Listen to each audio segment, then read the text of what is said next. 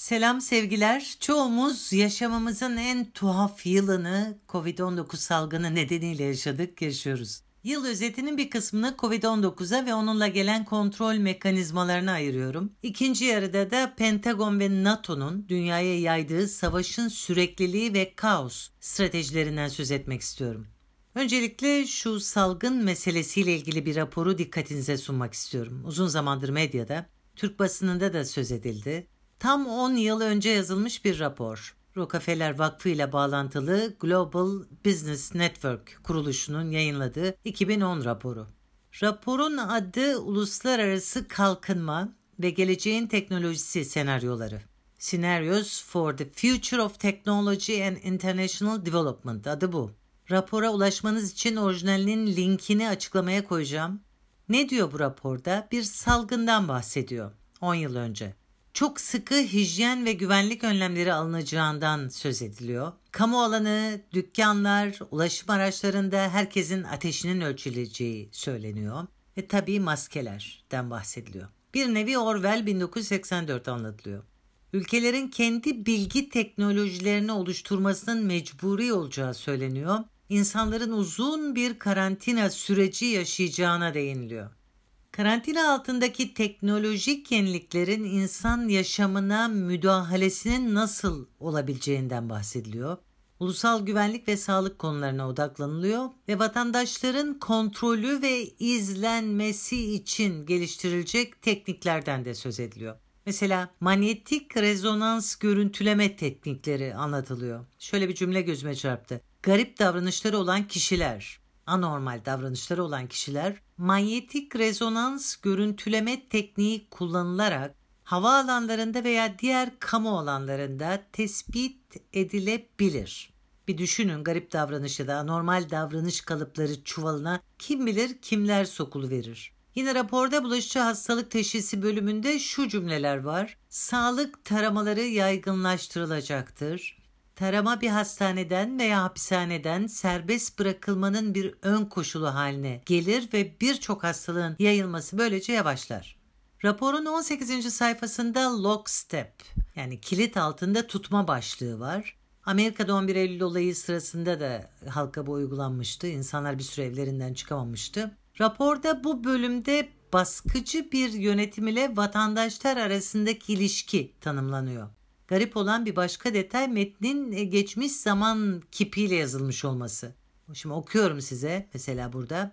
2012 yılında büyük bir salgın dünyayı sardı. 2010 yılında yazılıyor rapor ama böyle söyleniyor. 2012 yılında büyük bir salgın dünyayı sardı. 7 ay içinde 8 milyon insan öldü. Dünya ekonomileri çöktü. Tüm küresel dayanışma ağları, turizm sektörü yok oldu. Hoşgörülü davranan ülkelerde salgın daha da hızla ölüm yaydı ama Çin gibi bazı ülkelerde ise sert önlemler başarılı oldu. Çünkü Çin hükümeti karantinaya uymayan vatandaşlarını cezalandırdı, infaz politikalarını devreye soktu. Otoriter rejimler diyor rapor çok daha iyi sonuçlar elde ettiler. Hmm. Birileri komplo komplo diye bağıra dursun gazeteci Harry Vox 10 yıl öncesine ait bu raporun ciddiye alınması gerektiğini söylüyor. Bir Rockefeller Foundation'ın yani Rockefeller Vakfı'nın 10 yıl önce böyle bir rapor yayınlatması çok ilginç ki dünyayı yöneten elitin her şeyi ve herkesi denetimde tutma amacına uygun olağanüstü hikayelere yer veren ama günümüzle örtüşen bir rapor oluşu ilginç. Raporda ayrıca şu sözler de var. Salgın yok olsa bile insanların gözlenmesi devam edecek hatta giderek artacaktır. Çok ilginç değil mi? Bu gözleme salgın içinde olabilir, teröre karşı da olabilir, iklim kriziyle ilgili de olabilir, yoksulluk içinde olabilir. Yoksulluk ve gözetleme. İlginç. Gazeteci Vox 1970 yılına ait Henry Kissinger Milli Güvenlik Memorandumu belgesinden de söz ediyor. 10 Kasım 1970 tarihli ve 200 numaralı bu belgede altı çizilen cümle şu. Dünya nüfusu haddini aşmıştır. Depopulation yani nüfusun azalması gereklidir. Nüfus kontrolü demiyor dikkat edin. Nüfusun azaltılması tamlaması kullanılıyor. Henry Kissinger tarafından 1970'te.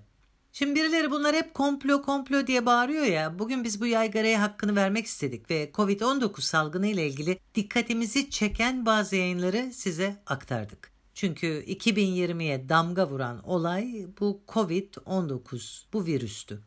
Dikkatinizi çekmek istediğim ikinci konu Pentagon'un dünyayı kana boyama stratejileri ve 2020'deki durum.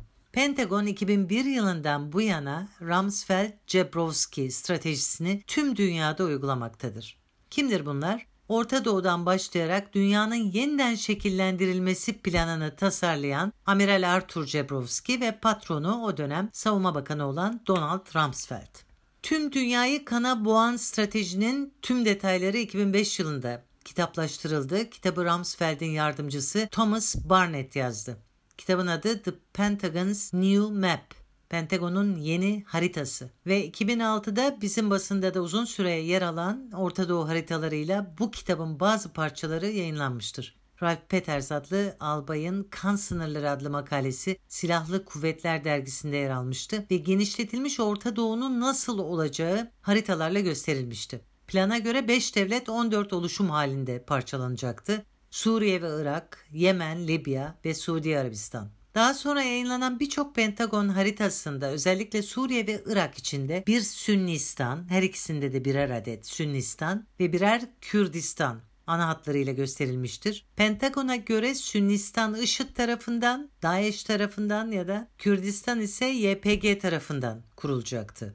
Pentagon'un Rumsfeld-Jabrowski stratejisinin özeti şudur. Genişletilmiş Orta Doğu'dan başlayarak dünyanın birçok bölgesindeki devlet yapıları yapıcı kaos çerçevesine yıkılacaktır. Artık yapıcı kaos ne demek diye sormayın bilmiyorum. Yapıcı kaos. Bu George Bush tarafından duyurulmuştu bu strateji. Barack Obama tarafından sürdürülmüştü. Trump'ın Orta Doğu'dan asker çekme ve daha durağan davranma siyaseti bir ara verdirdi. Sonra Joe Biden'la bölgenin küçük parçalara ayrılarak bitmeyen savaşlarla kana boyanma dönemi hız kazanacaktır. Pentagon bu işleri düşman olarak lanse ettiği terör örgütlerini el altından silahlandırarak idare etti bugüne kadar ve bundan sonra da öyle yapacak. Mesela Afganistan'da resmi olarak Taliban'la savaşıyor ama Taliban'ı el altından silahlandıran da ta kendisi oluyor. IŞİD mesela Amerika'nın baş düşmanı ama Amerika'dan Suriye'ye gelen mühimmat ve yardım IŞİD, YPG ve Nusra arasında paylaşılıyor. Bunun belgelerini Zemberek adlı kitabımda koydum. Pentagon'un Rumsfeld-Jabrowski stratejisi bu. Büyük Orta Doğu'daki tüm devletleri ayağa kalkamaz halde tutmak ve sürekli savaştırmak.